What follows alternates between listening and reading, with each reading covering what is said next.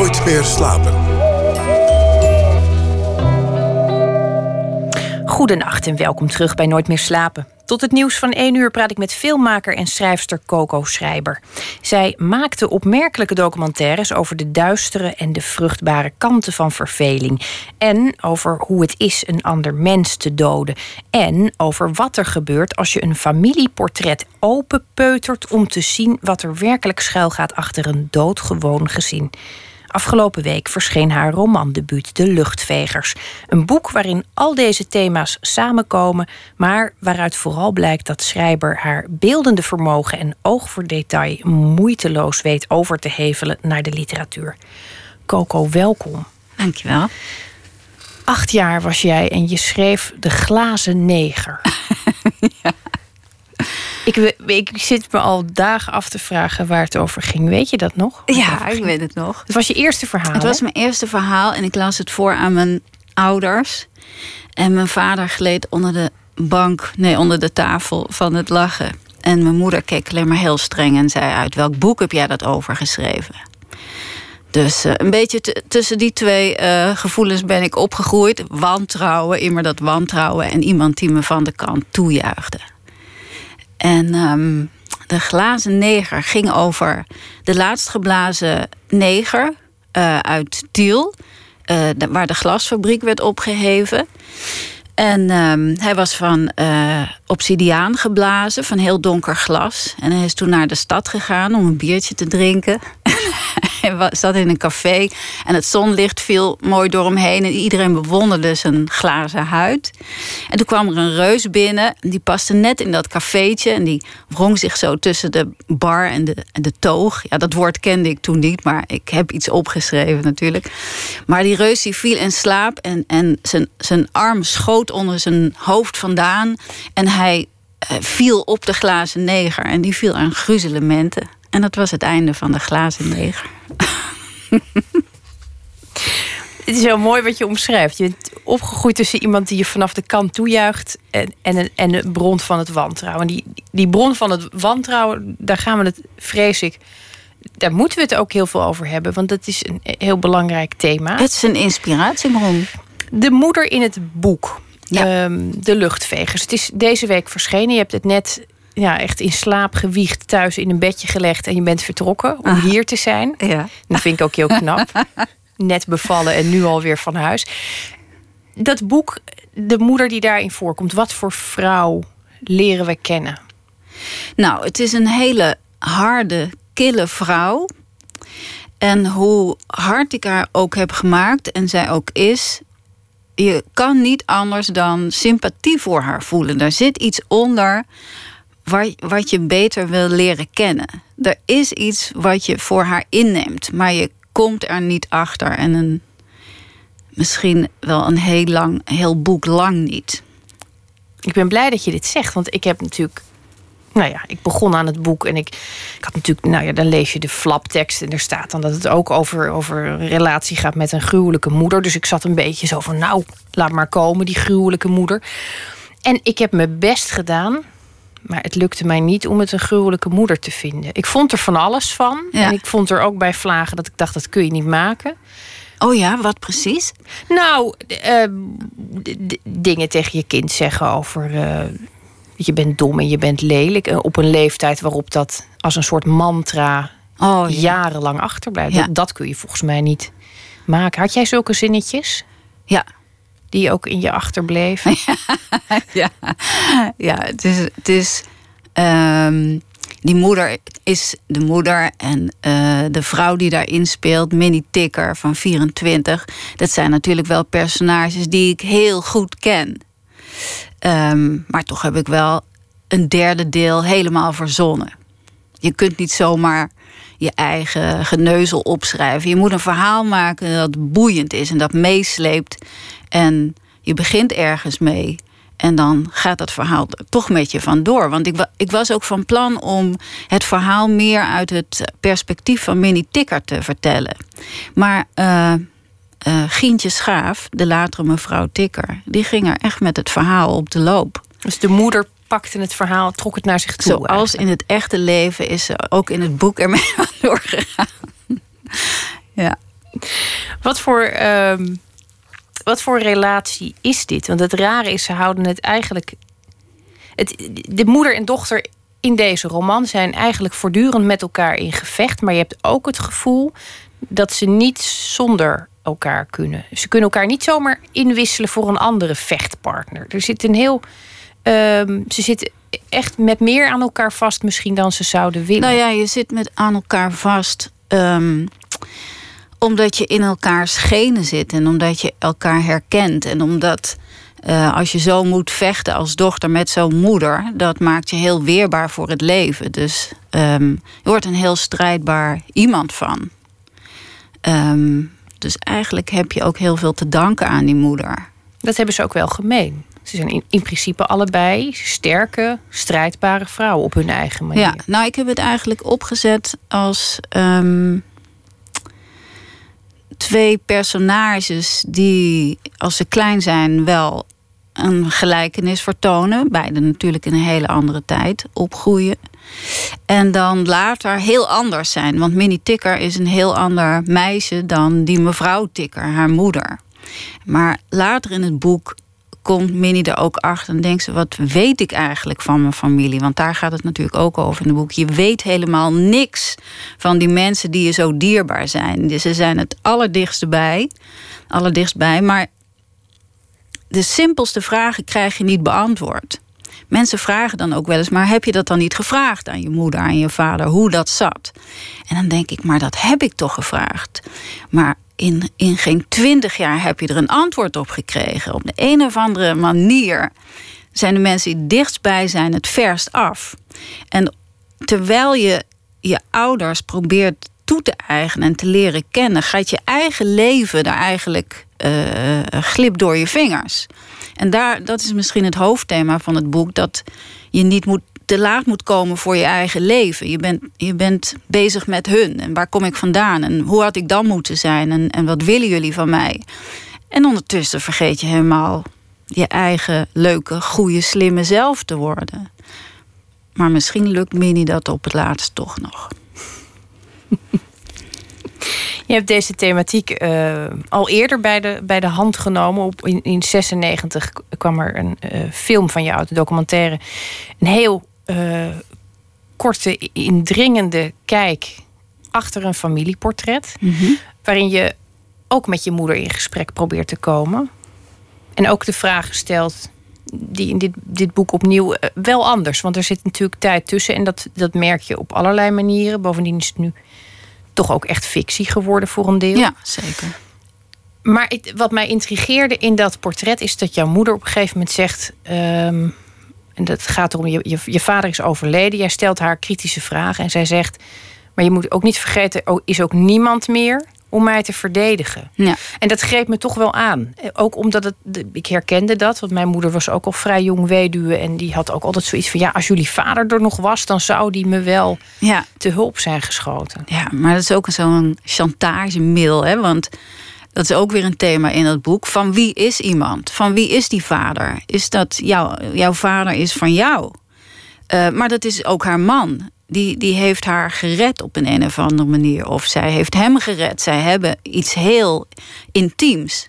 Ze hadden ook een heel goed huwelijk. Wat eigenlijk helemaal niemand begreep. Want mijn vader was fantastisch. Was heel grappig. Was een hele charmante man die iedereen aan het lachen probeerde te krijgen. Mijn moeder was zo'n afgemeten vrouw die met gewoon heel één letter grepig. Ja, nee, nu niet, zei. Dus wat deden die mensen met elkaar? Uh, heb je dat ooit opgelost? Hoe dat zat? Nou, het, dat heb ik in de film niet opgelost, omdat uh, ik die film eigenlijk helemaal niet wilde maken. Het was een opdrachtfilm en ik heb eigenlijk een soort. Ik was bijna verveeld tijdens de opnames, terwijl de cameraman zei: Maar dit is fantastisch, heb je dat dan niet door? Terwijl ik dacht: ja, maar ik ken die verhalen al. Maar in dat boek, ook omdat het fictie is, los je dingen op als schrijvende. En dat is dat van die fantastische ontdekking van dat schrijven, die vrijheid, dat je gewoon uh, je hebt kennis van bepaalde zaken, maar je gaat gewoon dingen verzinnen in je hoofd. Hè, wat zou er gebeurd kunnen zijn? En ineens heb je een heel deel geschreven, wat, je totaal, wat totaal fictie is. En later denk je, misschien is het daardoor gekomen. Misschien heb ik de waarheid gewoon opgeschreven. Misschien heb ik het altijd al geweten dat, dat dit de reden was waarom het zo'n kille, koude vrouw was. Nou, het is natuurlijk wel de verbeelding die een groot deel van ons begrip teweeg brengt. Je stelt je voor hoe het is om. Ja. En daarom vind je het erg als iemand honger heeft. Niet omdat je het zelf hebt, maar omdat je het je. En dat is in zekere zin ook. Nou, je bent hier verder gegaan. Je hebt, je hebt er in zekere zin ook het verhaal teruggegeven. wat ze zelf misschien niet heeft kunnen Ja. vertellen. Ja, En het verzacht daardoor ook. ja. Tenminste, ik, ik vond het verzachten. Omdat ik naar haar keek en dacht: jij bent ook een product weer van. Ja, iedereen heeft zijn redenen om te zijn zoals die is. En die weet de volgende generatie niet. Hè, die kinderen kunnen daar niet achter komen.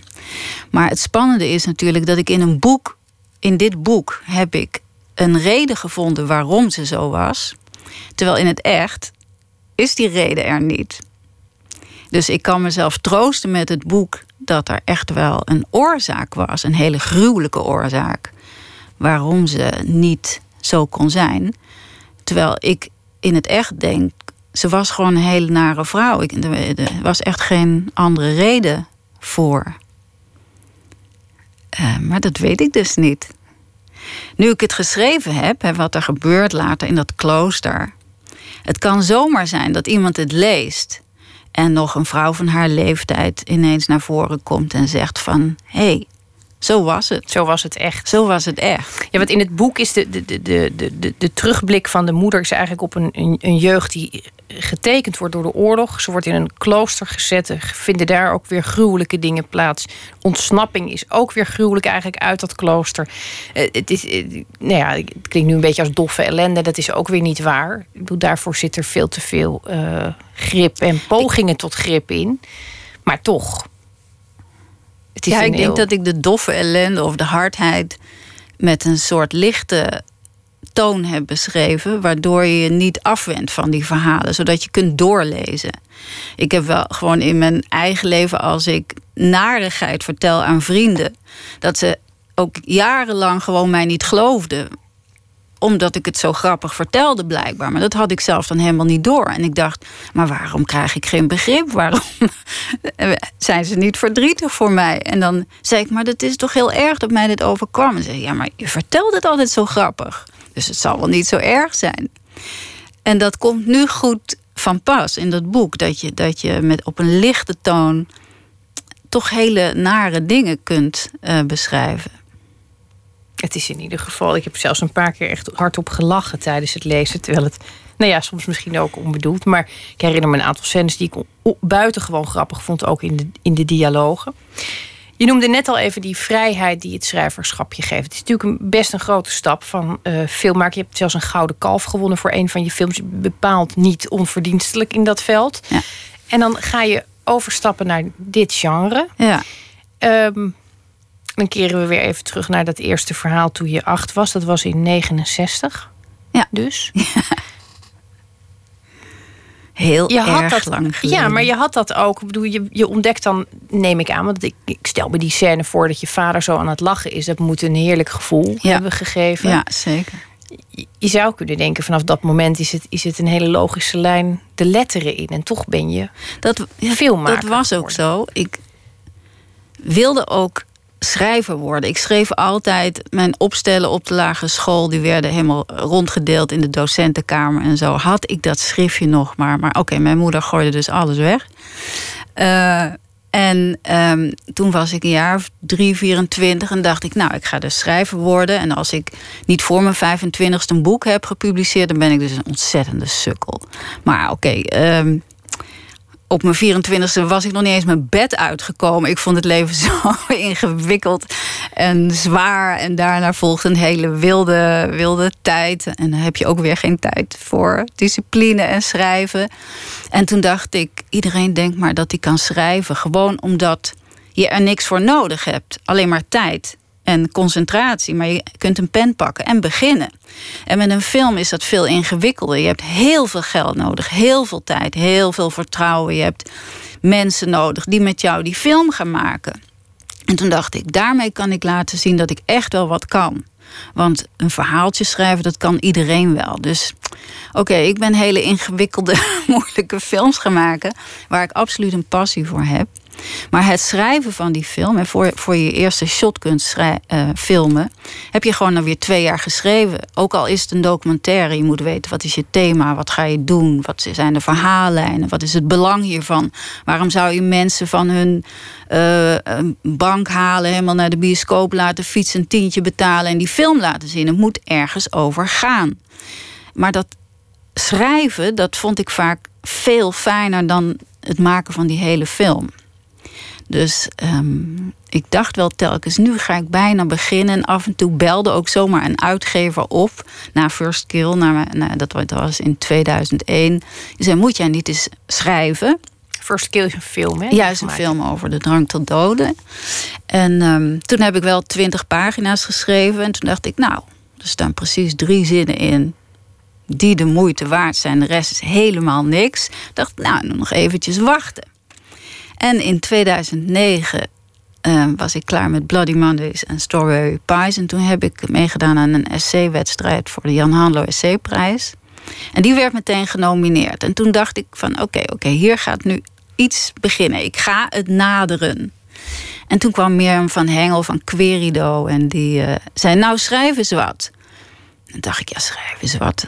Of ze, ze zei heb je niet wat liggen? En dacht ik ik heb toch niet zomaar wat liggen. En, en ze belde op. Heb je al wat? Nee. En ik dacht, ik ga gewoon een nieuwe film beginnen. Maar zij, zij bleef maar bezig. Ze was een vasthouder. Ze heeft me zelfs een aanzichtkaart gestuurd. En toen dacht ik, dit is die vrouw Menes. Die heeft misschien echt iets gezien erin dan. En toen ben ik begonnen. En heb ik in één keer 40 pagina's geschreven. En dacht ik, dit staat als een huis. Dit is gewoon goed. En nu de rest. En dan begint gewoon dat spannende avontuur van...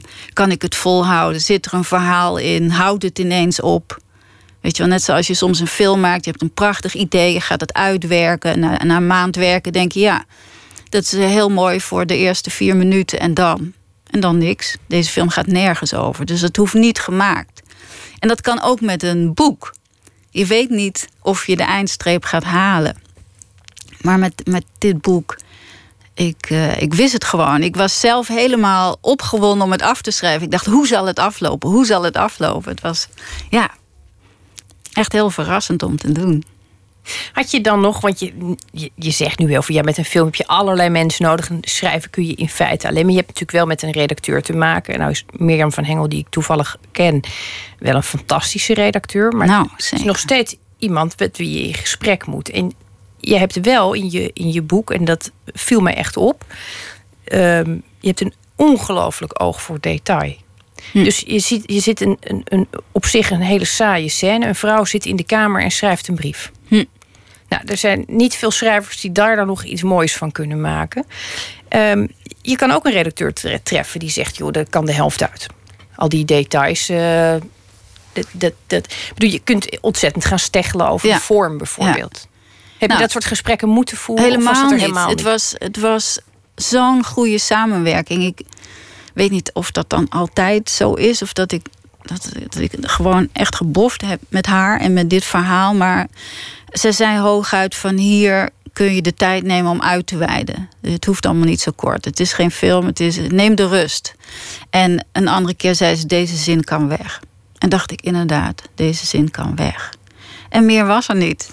het was echt. En een beetje de structuur heeft ze. Ze wat moet meer dit? Of eh, hier ga je een beetje rommelen. Of, uh, en, maar ze, ze had heldere aanwijzingen. Dat ik meteen zag van: oh ja, ik, ik herkende meteen wat ze, ze zei.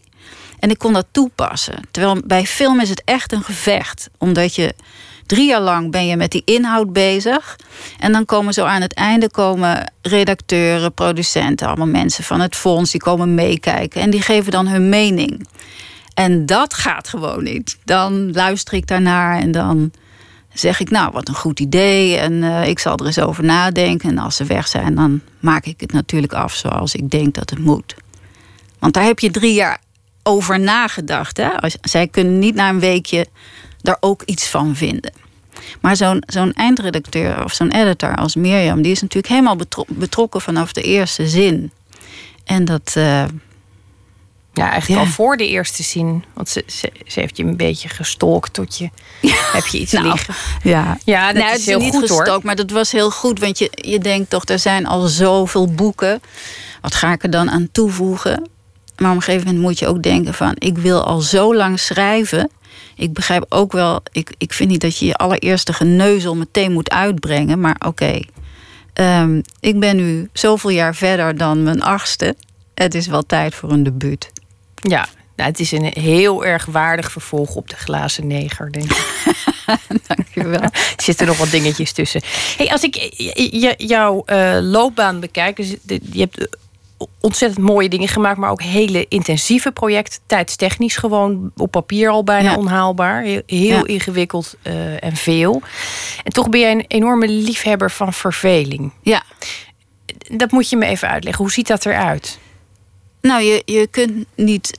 Uh, je kunt al die dingen niet doen als je niet daarvoor een hele lange periode van niks hebt doorstaan. Of ondergaan. Of ja, ik, ik lig gewoon op de bank. Daar, daar kom, ik kan het wel heel interessant vertellen, maar ik lig gewoon op de bank. Nou ja, dat is heel interessant, want en, ik, ik kan me er niks bij voorstellen. Je voelt toch altijd dan, denk je, oh, ik ben lui of ik moet nee, iets. Ik, kijk, ik, ik, ik heb geen last van schuldgevoel. Nooit gehad. Ik heb van heel veel dingen last, maar schuldgevoel ken ik niet. Dus als ik op de bank wil liggen en alleen maar wil lezen... en er alleen van af wil rollen voor een kopje thee en een crackertje... dan doe ik dat. Ik ga niet eens boodschappen doen. Mensen weten wat in mijn ijskast ligt... namelijk een uitgedroogde tube anchovispasta. Weet je, ik, alles om op die bank te blijven en je te omringen met geweldige boeken, zodat je kunt lezen hoe het moet. En geïnspireerd raken. En dan na vier maanden van niks doen en als je geld op is, dan krijg je weer de zin om zo'n film te maken. En een film is echt oorlog. Het is echt verschrikkelijk om te doen.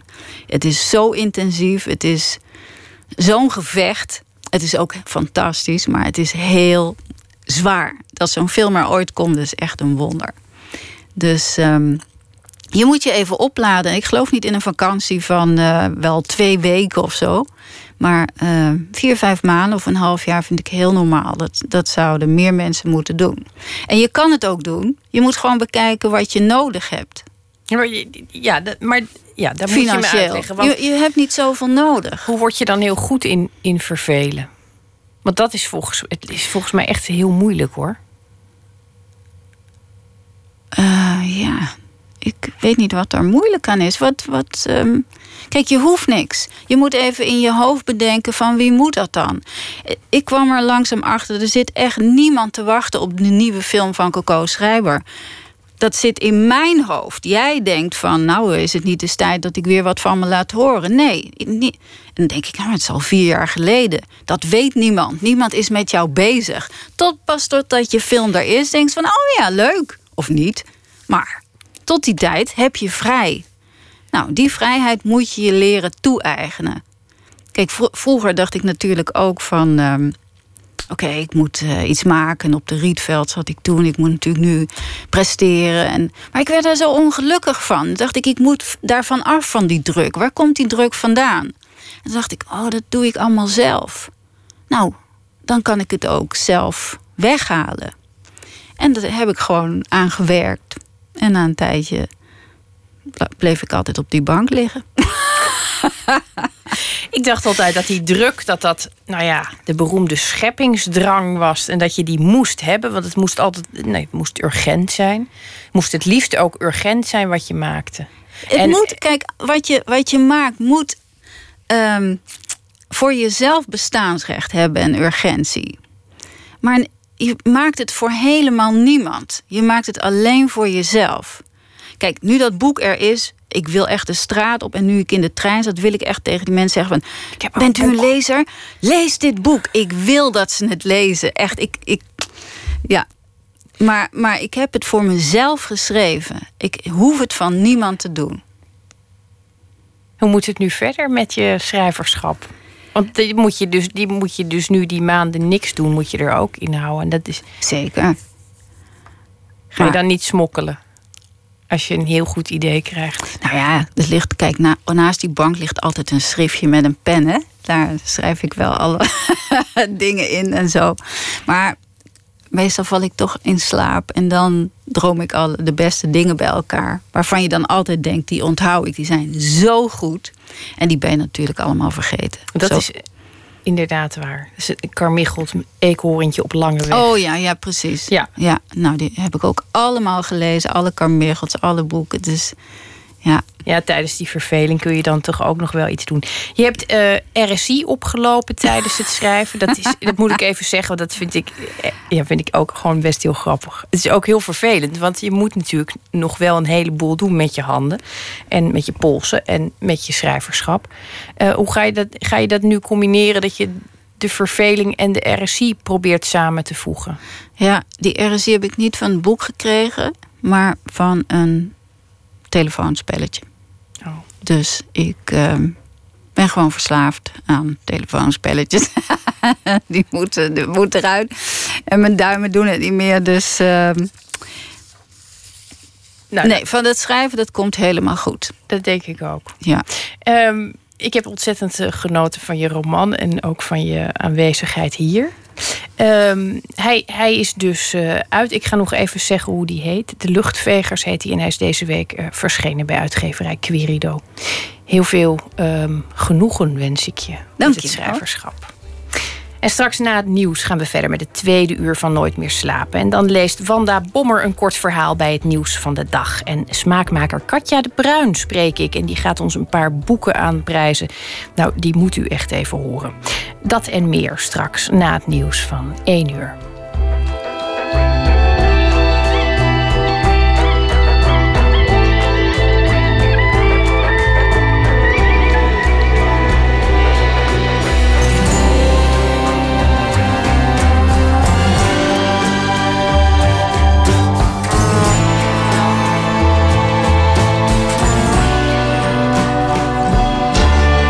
Radio 1. Het nieuws van alle kanten.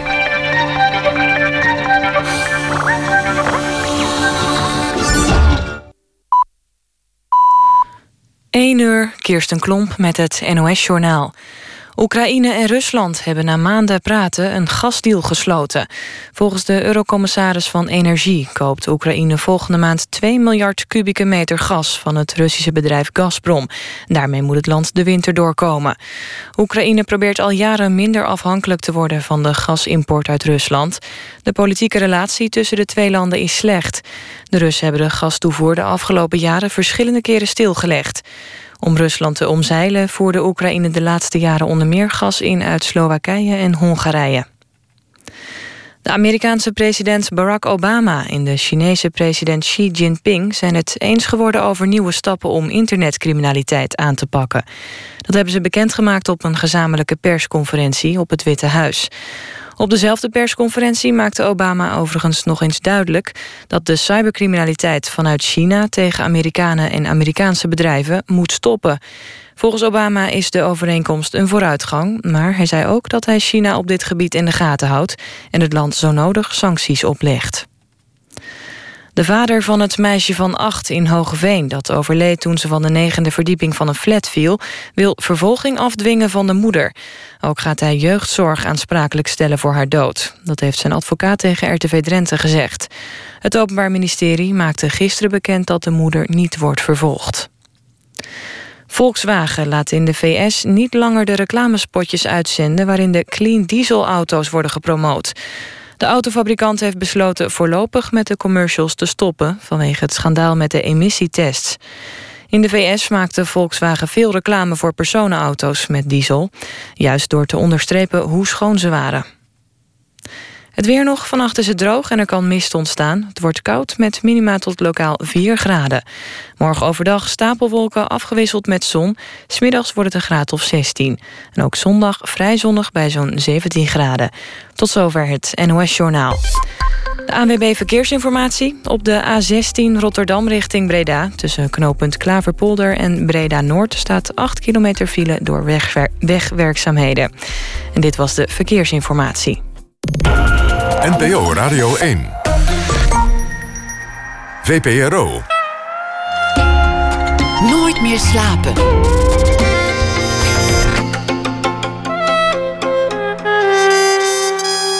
met Esther Naomi Perquin. Goedenacht, u luistert nog steeds naar Nooit meer slapen. Cellist Ernst Reiziger was vanavond in het Glasmuseum in Leerdam om te improviseren op de klanken van een glasblaaspijp. En straks horen we hoe hij hier zich heeft op voorbereid. En verder praten we met Henny Vrienden en zijn zoon Xander over timing in de muziek en hoe het is om samen op het podium te staan. Maar we beginnen met proza dat reageert op het nieuws van vandaag. En deze week doen we dat met schrijfster Wanda Bommer. Wanda, goedenacht. Hi. Goedenavond. Hoe heeft jouw uh, nieuwsdag eruit gezien? Mijn nieuwsdag? Nou, het was, ik had zelf een beetje... Het was een drukke dag, dus ik moest al um, uh, vroeg beslissen waarover ik wilde hebben. Ik heb de ochtendkranten doorgebladerd en... Um, uh, ik, nou, trouwens, overigens is wel actueel. Ik kom net van een borrel van de cd-presentatie van de tweede cd van de Common Linnets af. Vandaar dat ik wat uh, eerder met uh, de rest van de wereld bezig moest zijn. Het was ook heel gezellig. Nou, goed om te horen. Uh, maar... Um, um, nou, ik zag dus weer al, die, die, al dat nieuws voorbij komen. En ik dacht, ja, stel nou dat deze week uh, later in de geschiedenisboeken terecht zou komen... dan zou het toch wel de week van uh, de vluchtelingenproblematiek zijn, denk ik. Dus eigenlijk is het raar dat ik het daar nog helemaal niet over gehad heb deze week. Dus ik uh, besloot om het daar toch vandaag dan over te gaan hebben. Nou, Wanda, ik, ik ga met alle plezier naar je luisteren. Fijn. Oké. Mama, wat is een vluchtelding? Het jongetje zit naast de wipkip op de grond... Met een takje poert hij tussen de voegen van de rubberen stoeptegels. Een jonge vrouw met een paardenstaart en een spijkerbroek kijkt op, kijkt van het scherm van haar iPhone.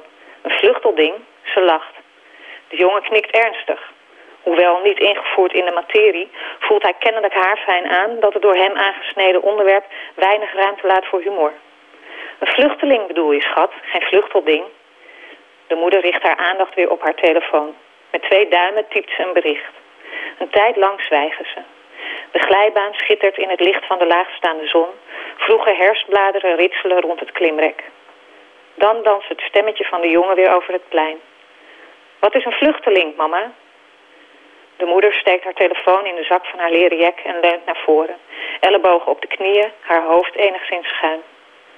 Een vluchteling is iemand die uit zijn eigen land is weggegaan... en zoekt naar een andere plek om te wonen, zegt ze. Waarom? De ogen van de jongen zijn lichtblauw, de wimpers meisjesachtig lang. Meestal omdat het de oorlog is en te gevaarlijk om thuis te blijven. Het mannetje schraapt nog wat modder tussen de tegels vandaan en beslist dan dat die klus geklaard is. Hij breekt het takje doormidden en bestudeert de lichtgroene binnenkant. Zijn dat allemaal grote mensen? Zeker niet, zegt zijn moeder. Er zijn vaak ook kinderen bij. En zijn die met hun vriendjes? De jonge vrouw gaat weer rechtop zitten. Ze schudt haar hoofd. Wel met hun speelgoed. Of opa en oma. En de kat. Ze twijfelt zichtbaar over haar antwoord. Nee, lieverd, zegt ze dan. Je kunt bijna niets of niemand meenemen als je vlucht. Maar dat is zielig. Het ventje knippert snel met zijn ogen. Zijn onderlip trilt. Ja, zegt zijn moeder zacht. Zielig is het zeker. Ja, het is merkwaardig, uh, Wanda, dat als we wereldproblematiek moeten uitleggen aan kinderen, dat we altijd precies horen wat we eigenlijk zouden moeten doen. Ja.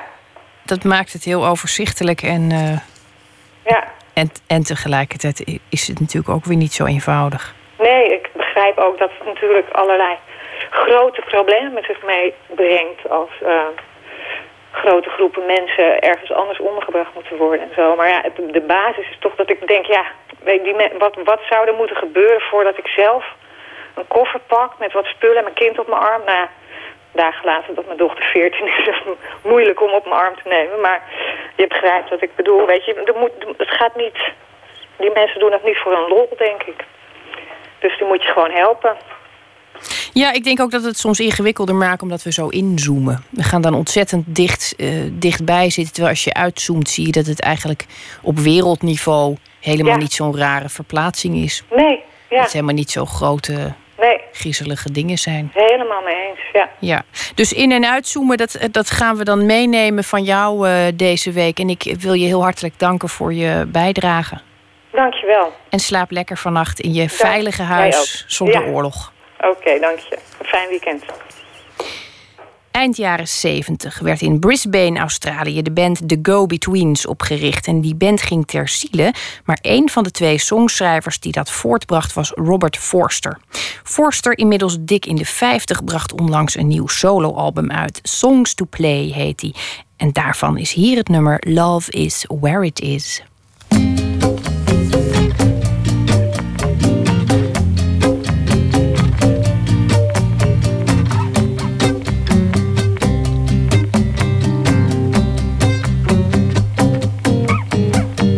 Tells me everything in advance.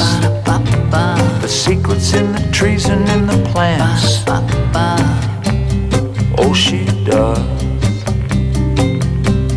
Yes, she does. I'm walking down the street and I'm flash. A suit and a tie and a pair of black new pants. And leather shoes. They bring my news.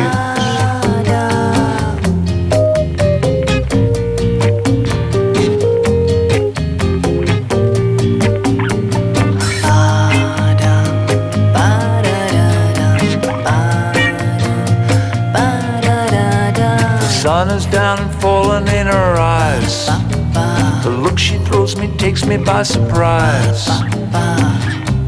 A butterfly flutters by. She tells me there's a place that we must go. We're leaving in an hour, I hope you know where to go. I don't know.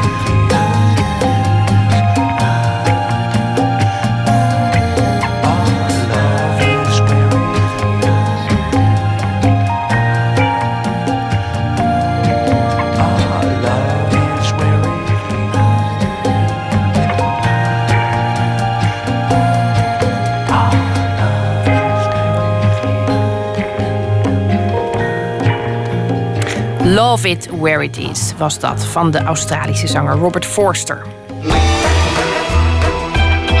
Nooit meer slapen. Henny Vrienden zong toen hij zelf nog jong was met Doe maar niets ontziend over zijn pa. Nu hij zelf de pensioengerechtigde leeftijd is gepasseerd, spelen zijn eigen kinderen mee op zijn soloplaten.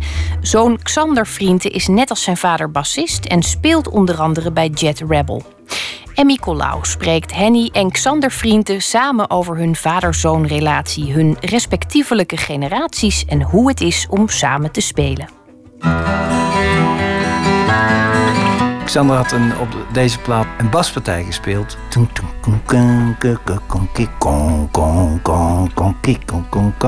En als iemand iets doet in de muziek, een timing, iemand anders doet dat, dan moet je dat altijd. Oh ja, oh wat een iedereen heeft namelijk zijn persoonlijke timing.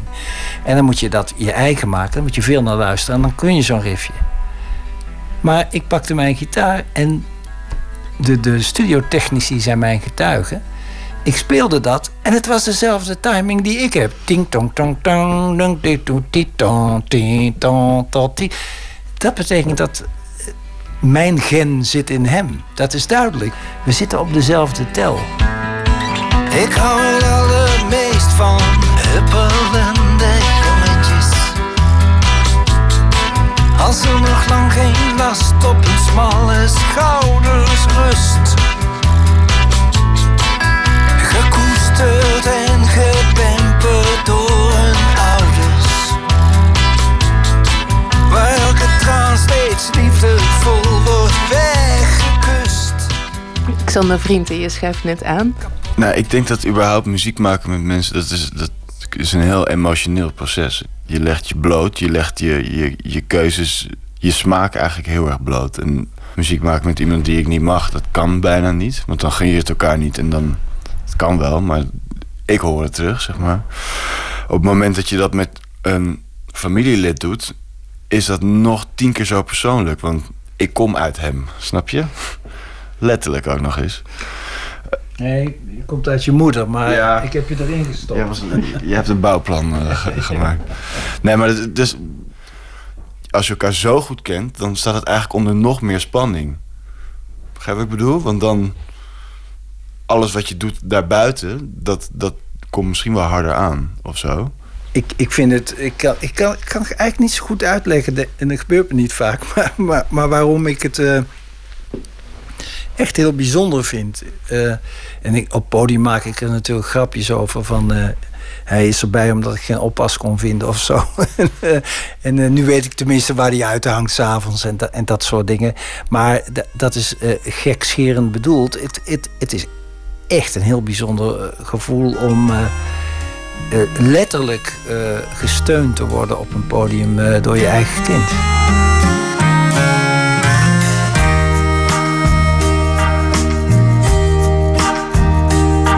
Je moet een liedje zangen, nooit geloven. Want hij ligt alle liedjes bij elkaar. En het Ik geloof dat ik wel van, van al mijn werk dit, dit het minst ironische is. Want ik, ik bedoel wel degelijk wat ik zeg. Vanaf nu wordt alles anders, ik beloof je. Het is alleen nog maar de waarheid die ik lieg. Ja. Het kan wel allemaal ietsje minder schelen van eh, eh, eh, wat, wat eh, de heersende mening is, eh, wat iedereen denkt. Ik, vroeger vond ik het heel belangrijk dat er niet dichtbij gekomen werd. Hè. Je zong over, eh, eh, over, over van alles, maar het ging nooit over jou. En nou, daar heb ik minder last van. Minder te verliezen of geen angst om dingen te verliezen, denk ik. Met al die leugens op een rij, er kan er echt niet één meer bij.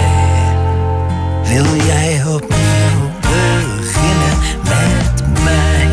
vind, eh, je moet serieus zijn, maar je moet je altijd kunnen verschuilen achter je, eh, achter je leugens. Ja, waarom dan? Nou, wie is erbij gebaat als iemand zijn hele ziel en zaligheid eh, op straat gooit? Ik bedoel, dat, dat is heel erg in de laatste tijd. En, en vooral tv-programma's en die, iedereen die ziek is en het maar op. En, Als het maar autobiografisch is, dan verkoopt het wel. Ja, maar ik laat het graag in het midden. Eh, en zelfs als ik een liedje autobiografisch noem, zoals eh, Spelen met Vuur, wat eigenlijk een beknopte biografie is van een muzikant. eh, zelfs dan zeg ik dat, dat je niet alle regels moet geloven. Ik zing daar ook, het is alleen nog maar de waarheid die ik lieg. Dus het is aan jullie om het uit te zoeken. Of niet natuurlijk. Nou, het grappige is, ik ben eigenlijk niet zo'n tekstenman. Niet zoals Henny in ieder geval. Ik ben echt een muziekman. Maar door de jaren heen heb ik natuurlijk wel naar al zijn teksten geluisterd. Qua liedjes in ieder geval. En ehm, ja, ik vind het heel mooi dat hij nu zichzelf kwetsbaarder durft op te stellen. Want ik ken die kant natuurlijk al veel langer. Maar ik vind, ik vind het heel sterk om dat te durven delen met de rest van Nederland. Ja, en is dat ook een beetje ongemakkelijk? Ergens? Want het is toch je eigen vader? Ja, voor mij niet. Nee? Maar misschien voor hem, dat weet ik niet. Ja, nou, ik denk er wel eens aan. En, en dit vak is toch vooral ehm, kiezen en afwegen. Er komen ideeën en er komen er twintig voorbij en je kiest er één uit. En dan het afwegen. Doe je iets wel of doe je iets niet? Dat, dat liedje op mijn vorige album en, en toch eh, van mijn moeder, zijn oma. Uh, nou, dat was eigenlijk al heel erg dichtbij. En ik heb echt maanden moeite gehad om het te doen op het podium. Dat is nu voorbij, nu is het een liedje geworden. Maar toen was het echt nog een soort van hartekreet. En dan sta je daar allemaal voor wildvreemde mensen je hart uh, te openen. Nou, dat, dat druist nogal tegen mijn karakter in. een raar vak heb je dan eigenlijk gekozen?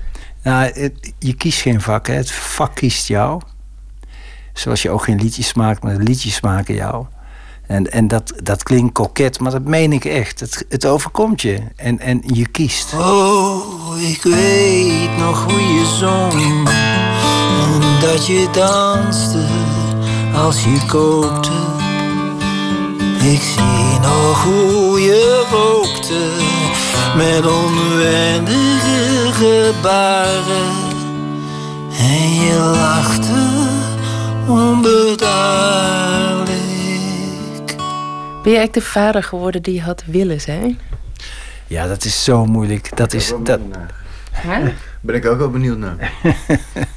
ik, ik wist natuurlijk, ik wist niet eens of ik vader wilde zijn. Ik ben er ook later aan begonnen. Uh, maar uh, het is een moeilijk beroep, kinderen uh, opvoeden, vind ik. ik heb nu aan de grote kinderen gezien dat het goed komt. Hè? Je, je roept twintig jaar lang eet niet met je vingers, poets je tanden, kijk naar rechts als je oversteekt. En dat moet je heel vaak zeggen, want het lijkt wel als kinderen geprogrammeerd zijn om dat gewoon niet te horen. En dan zie je ze een tijdje niet omdat ze uitvliegen. En dan kom je ze tegen na, na een paar jaar. En dan zijn het hele aardige, sociale, beleefde mensen geworden. En dan denk ik, ja, het heeft een functie gehad. En uh, ja.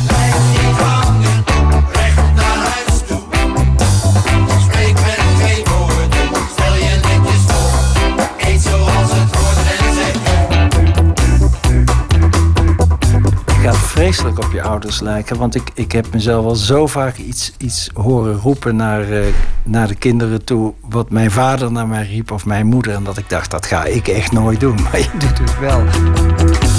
Zoals je daar nu ziet, je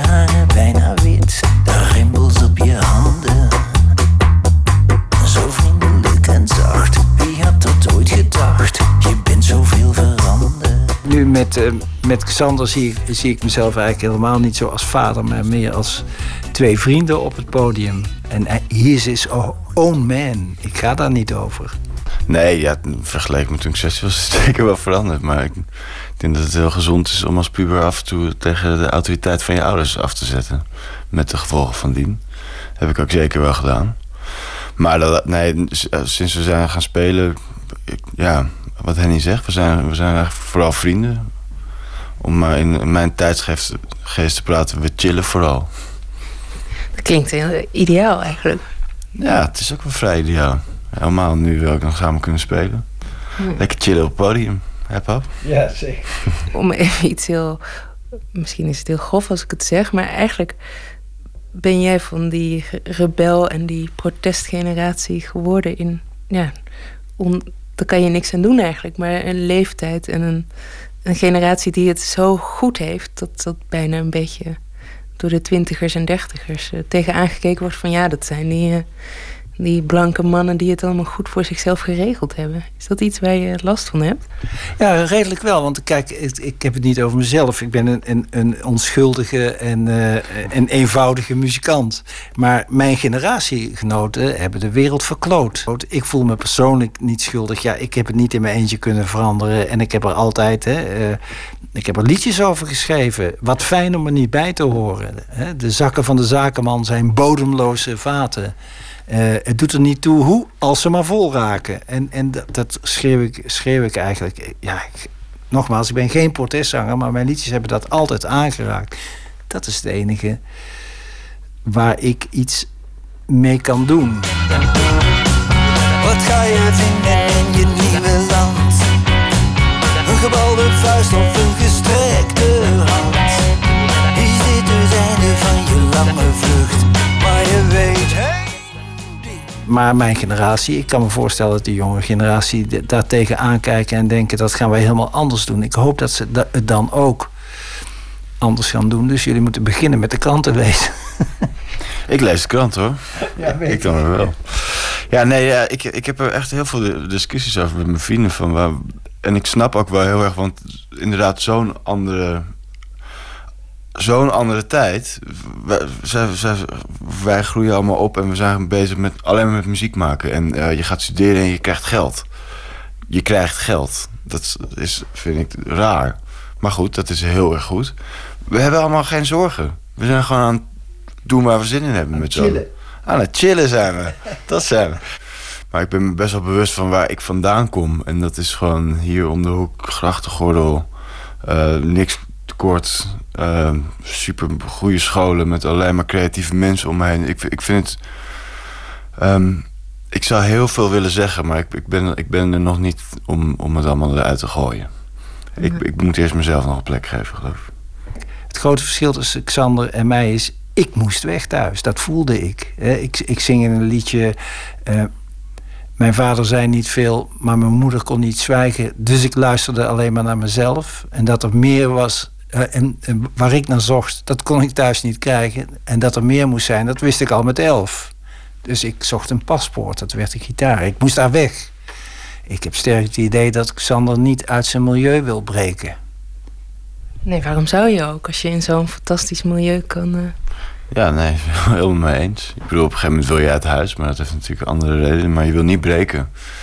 En ik woon hier om de hoek. En mijn- moeder woont hier ook vlakbij. En eh, mijn broer die woont weer vlak bij mij. En zusje ernaast. En iedereen gaat vlak bij elkaar, alle vrienden. Nee, ik ga hier niet zo snel weg. Ik zou mezelf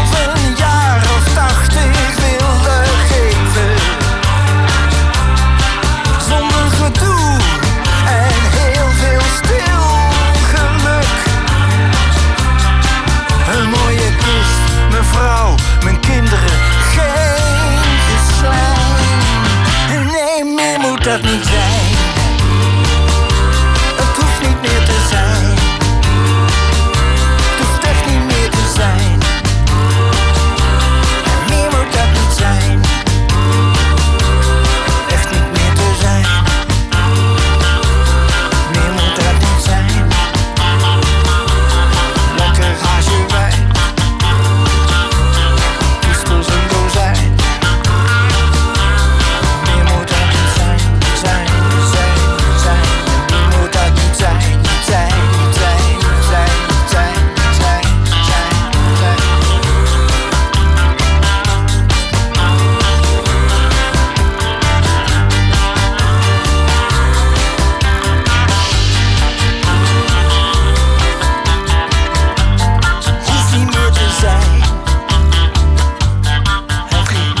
Colau sprak met Henry en Xander Vrienden over het nieuwe album Alles is Anders. Op 1 oktober start de theatertour van Henny Vrienden. Meer informatie vindt u ook op zijn website hennyvrienden.nl. Als je Lenny Kravitz, Jimi Hendrix, Raphael Sadik, Prince, Sam Cooke en Stevie Ray Vaughan een tijdje samen had kunnen laten spelen, zou je ongeveer de muziek van de moderne bluesheld Gary Clark Jr. krijgen. Dat schrijft de Am- Amsterdamse poptempel Paradiso op zijn site bij de aankondiging van het Gary Clark concert op 11 november. En ze hebben eigenlijk wel een beetje gelijk. Luistert u naar een nummer van zijn nieuwste album The Story of Sonny Boy Slim. Hier is het soulvolle Our Love.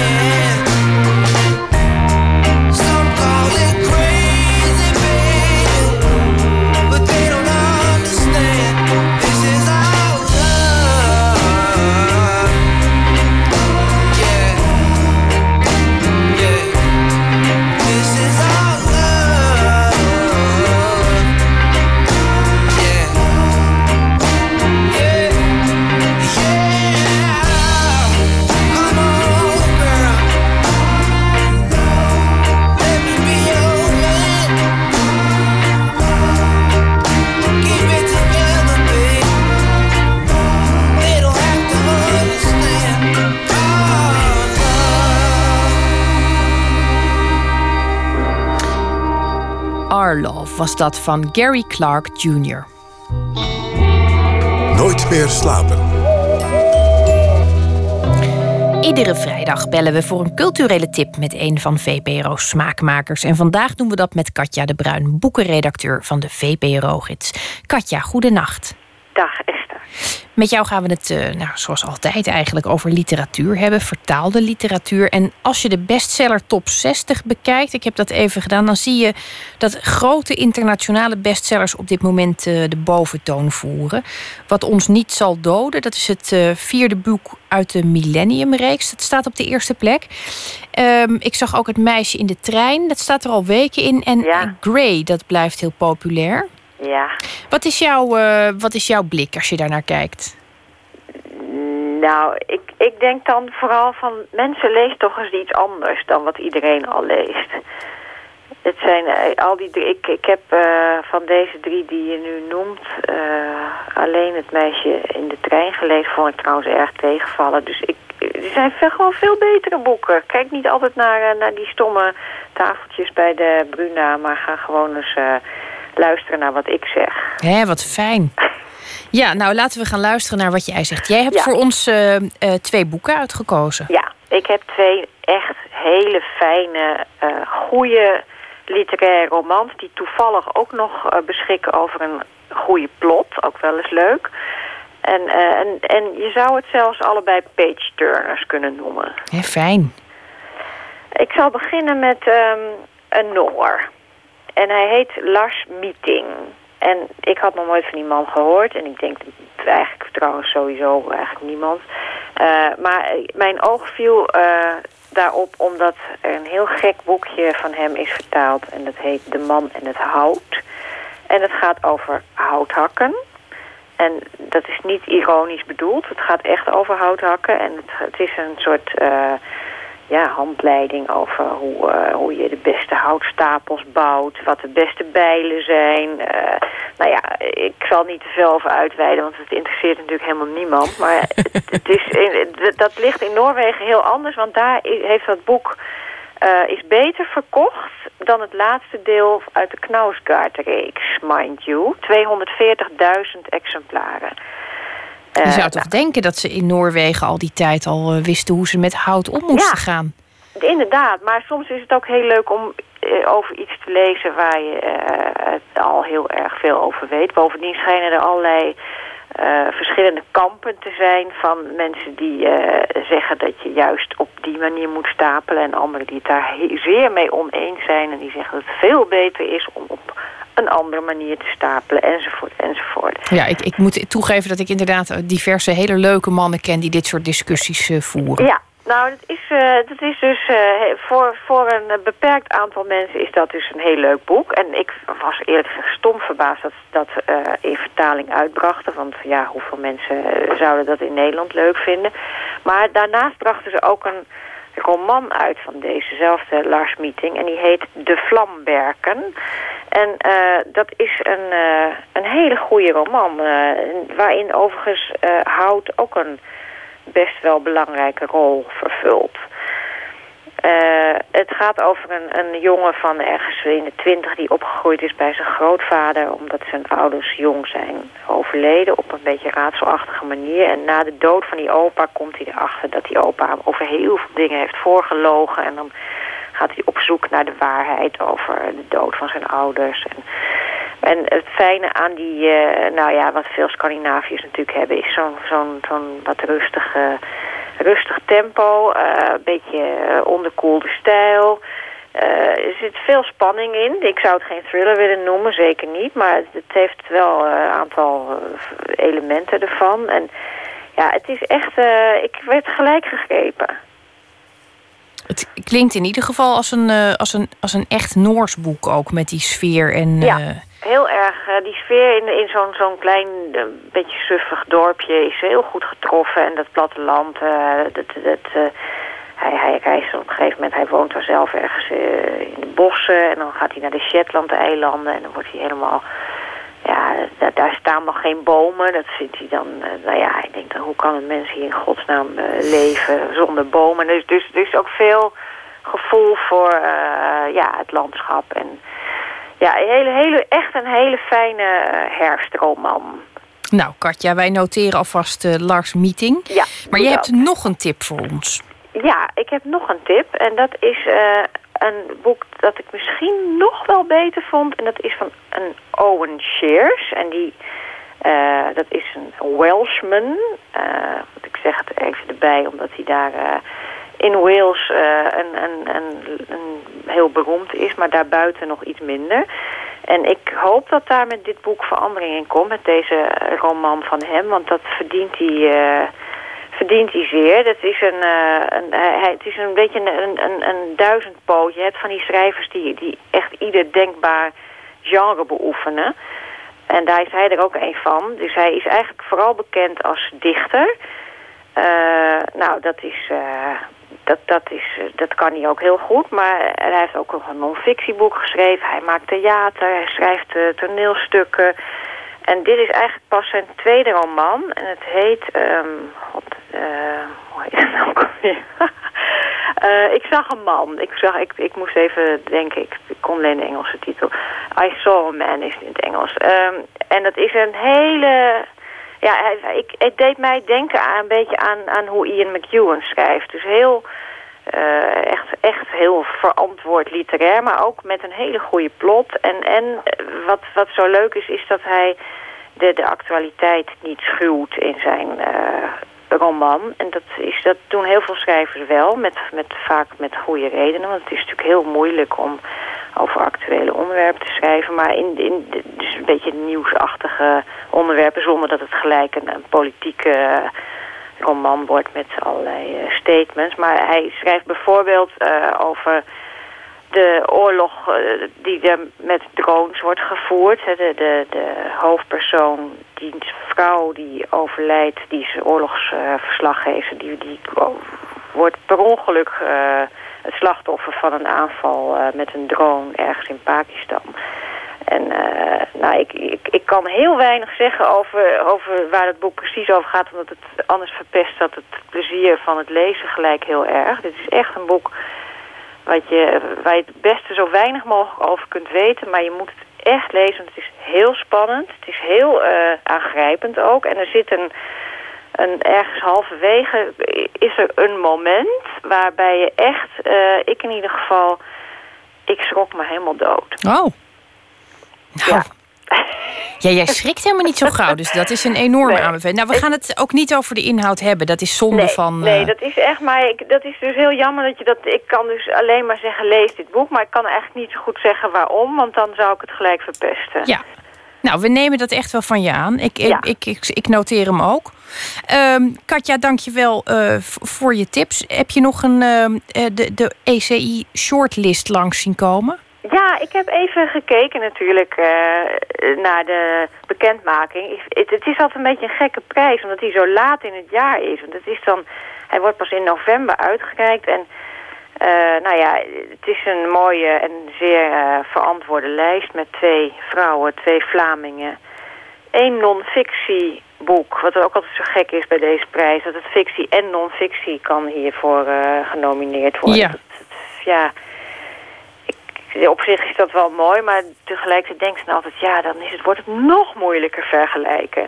Nou, we zullen de uitslag in dit geval uh, op de voet gaan volgen... met zo'n met zo'n rolverdeling op de ja, shortlist. zeker. Katja, dank je wel. Ik ga nog even de, de, boeken vermelden. Het boek van Lars Meeting heet De Vlamberken. En Owen Shear die schreef Ik zag een man. En ja. voor wie meer wil weten... kan ook terecht op de website vpro.nl slash boeken. Katja, wel te rusten. Welterusten, Esther. Dag. Dag. Het zompige moerasgeluid van het Amerikaanse duo The Handsome Family kenmerkte de leader van het eerste seizoen van de HBO-serie True Detective. U kent hem vast wel. En deze week zijn Brad en Rennie Sparks in Nederland voor concerten. En alleen al daarom draaien wij nog een keer Far From Any Road.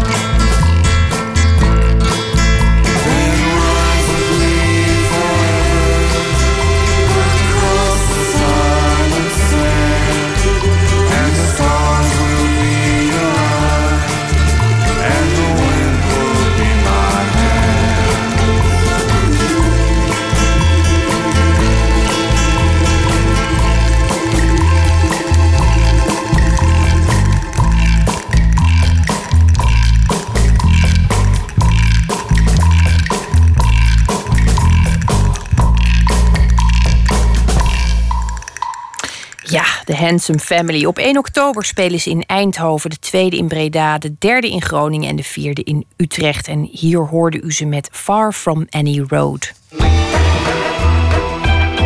Nooit meer slapen. Toen de Duitse kunstenaar Philip Weber zag hoe een glasblazer glas maakt, kreeg hij de associatie met een koperblazer die geluidloos muziek maakt. Dus ontwierp hij een glasblaaspijp met een drietal ventielen erop, zoals op een trompet. En op het muzikale karakter van het hele proces te benadrukken, stelde hij cellist Ernst Reiziger voor om in het Glasmuseum Leerdam te komen improviseren bij het glasblazen. En Reiziger stemde meteen toe. Gisterochtend kwam hij aan op Schiphol en Matthijs Deen ving hem op op de luchthaven.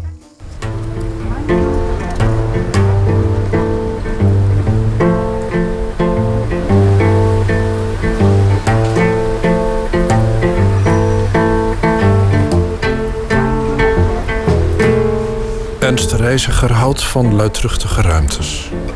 Daar valt iets te beleven, daar kan hij het zijne aan toevoegen. Waarom zou je in deze luidruchtige wereld van mensen stilte verlangen, immers, zegt hij.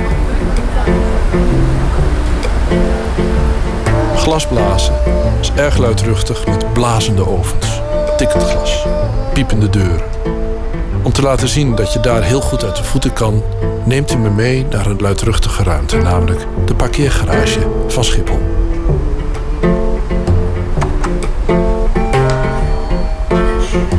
Begaangrond, Klompen, rij 9 tot en met 12. Schrijf eens waar we zijn. We be- bevinden ons op level eh, P1, row 10. Wooden Shoe, staat ook nog klomp bij. De parking van eh, eh, Schiphol. En ik zit op de plek waar je bagagetrollies eh, kan parkeren. Elke auto die heeft een blauw vlakje waar die op moet parkeren. En verder zijn er stippen. En, en, het, en het is geschilderd grijs, gebroken wit tot grijs geschilderd beton. En paaltjes met rood en wit. Er heerst hier orde. Het lijkt alsof er orde heerst. Het is altijd een poging die de mensheid blijft doen. Tot de volgende overstroming of vulkaanuitbarsting. Of, eh, eh, of eh, het, ik bedoel, dit slaat nergens op. Als het de toevoer van benzine en diesel ophoudt bijvoorbeeld. Dan, is dit weer, dan, is dit, dan klinkt het hier pas goed. Als je hier gaat spelen, dan is het zo dat je eerst naar de omgeving kijkt? Of dat je, ben je veel meer bezig met wat er vanmorgen gebeurd is? Of? Nou, ik hoop dat ik daar overheen ben. Maar ik bedoel, je, wij zijn conditionerende eh, eh, eh, wezens. Dus wij, wij houden altijd vast aan iets wat we al wel denken dat we houvast hebben met, met eerdere verhalen en avonturen. En dat is natuurlijk niet zo, maar we doen het wel steeds weer. Dus ik probeer daar nu overheen te komen door nu in deze ruimte wat muziek te gaan maken.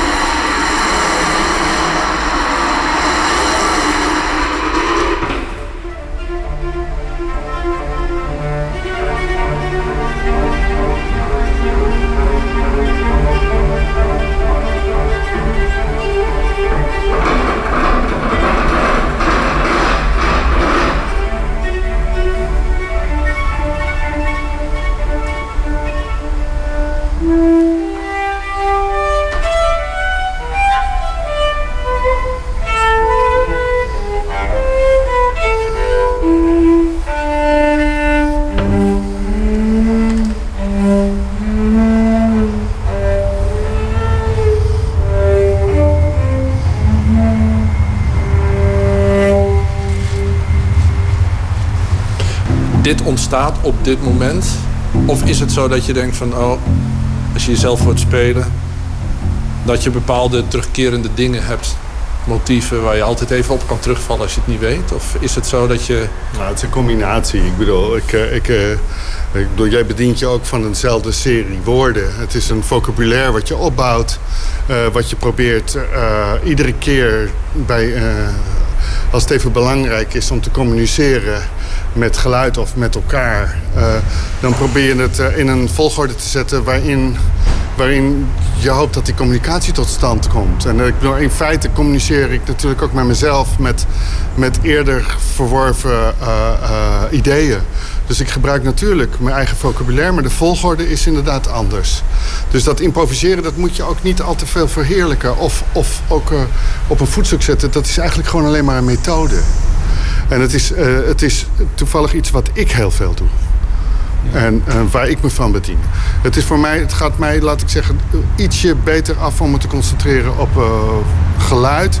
dan concentreren op een coherent verhaal, bijvoorbeeld. Dat, want daarbij zijn journalisten en schrijvers uh, die, die ik dan bewonder... die zijn daar dan weer heel goed in. Even over met de glasblazer. Het is iets wat gewoon ter plekke ontstaat. Maar ik neem aan dat je je toch op een bepaalde manier voorbereidt, of niet? Ja, mentaal wel degelijk. Ik bedoel, uh, uh, eenvoudige zaken als niet al te zwaar eten en niet zuipen voordat je speelt. Ja, dan om een paar kleine dingetjes te noemen. En, uh, en, en zorgen dat je spiertjes een beetje warm zijn. En tegelijkertijd wil ik me ook, ik ben daar wel. Dus ik interesseer me voor de ruimte. Ik, ik wil kijken hoe ik. Want ik hou niet zo ontzettend van versterkt geluid.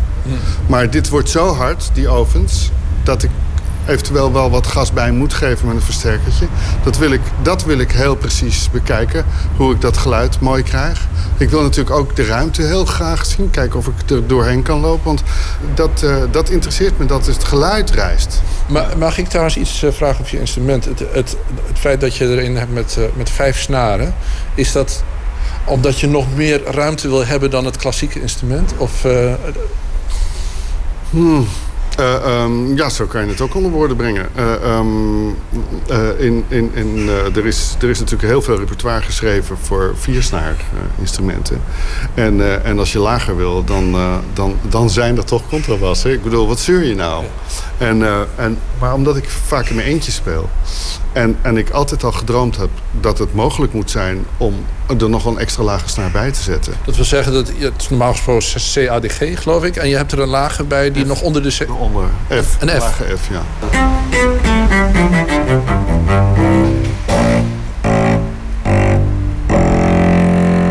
Dat heb ik allemaal bij. Ja, heerlijk. Ja, ja, want dat is natuurlijk wat je voortdurend doet. Verder de, de, de grenzen oprekken voel dat natuurlijk niet op die manier. Ik ga niet even zitten spelen dat ik denk van... nou, ik ga eens even een partijtje de grenzen oprekken of zo. Dit is mijn leven, begrijp je? Muziek maken. Ik bedoel, als, als ik er eens een keertje serieus over wil zijn... dan zou ik kunnen zeggen... god, het is eigenlijk wel heel belangrijk voor me. Want ik geloof dat ik heel miserig en treurig zou worden... als ik het niet meer mocht doen. Bedoel, zo belangrijk is het dan voor me. Begrijp je? Dus daar ligt het ongeveer. Uh, dus ik, mijn, mijn, mijn, uh, mijn focus en mijn wens en mijn dromen gaan over muziek. Die gaan over dit doen.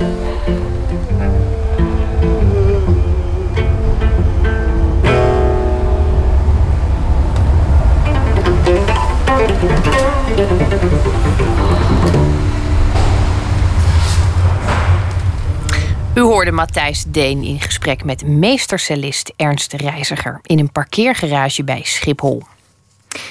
Uit Portland in Amerika komt het trio Greylag, dat over het algemeen een beetje ja, rammelende gitaarrock maakt. Maar tussen al die rauwe nummers zit ook een rustige diamant. Luister naar Walk the Night.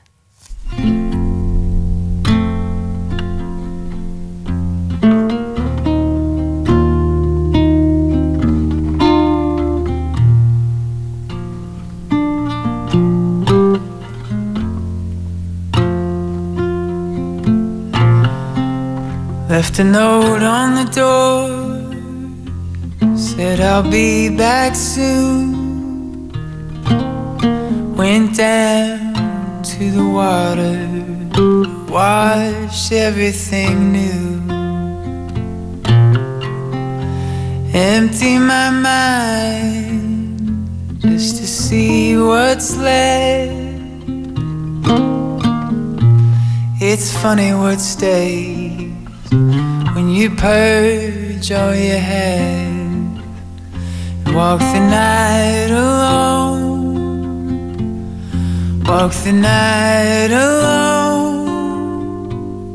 Get a fever in your soul. Walk the night alone. Been down in the valley looking up at the sky. Those clouds above the mountains unlock the cage that is time. Take me high above myself, above everything I can see. And I'll fade into the silence, into that terrifying peace. I'm one with you again, humble dust upon the ground. No more king upon a kingdom. We're just sunlight through the trees coming down. And I'll walk the night alone, walk the night alone. Walk the night alone. Ja, mooi. Een rustige diamant. Greylag met Walk the Night. En we sluiten deze aflevering af met een dichter die een favoriet gedicht voordraagt. Deze week is dat de keuze van Marjoleine de Vos, dichter, redacteur en columnist. En zij besluit de reeks met een gedicht van Rutger Kopland, Een koraal.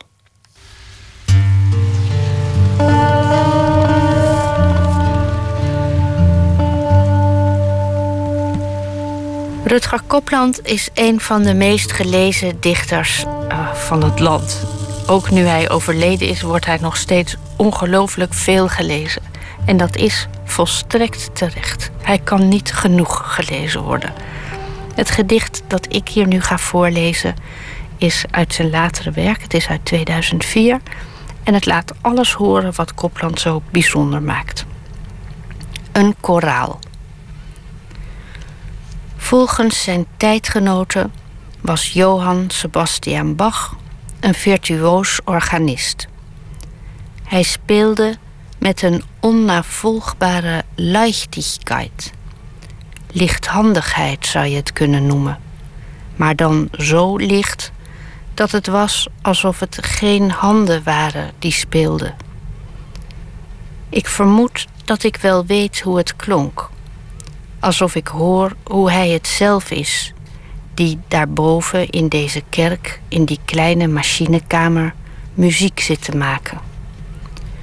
Je hoort het eeuwenoude mechaniek, het gekreun van scharnieren, het geklepper van toetsen, het gekraak van de vloer, het zuchten van wind, hoe er van lucht muziek wordt gemaakt. En er een koraal langzaam door de ruimte zweeft. Als een onzichtbare, gewichtloze vogel. Leichtigkeit. Een koraal, een gedicht van Rutger Kopland was dat uitgekozen en voorgedragen door Marjoleine de Vos.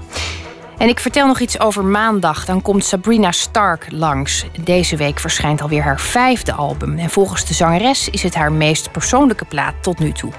Dat maandag. Straks kunt u luisteren naar Woord met als thema Wie is er bang? door Floortje Smit. En ik wens u voor nu een hele mooie nacht.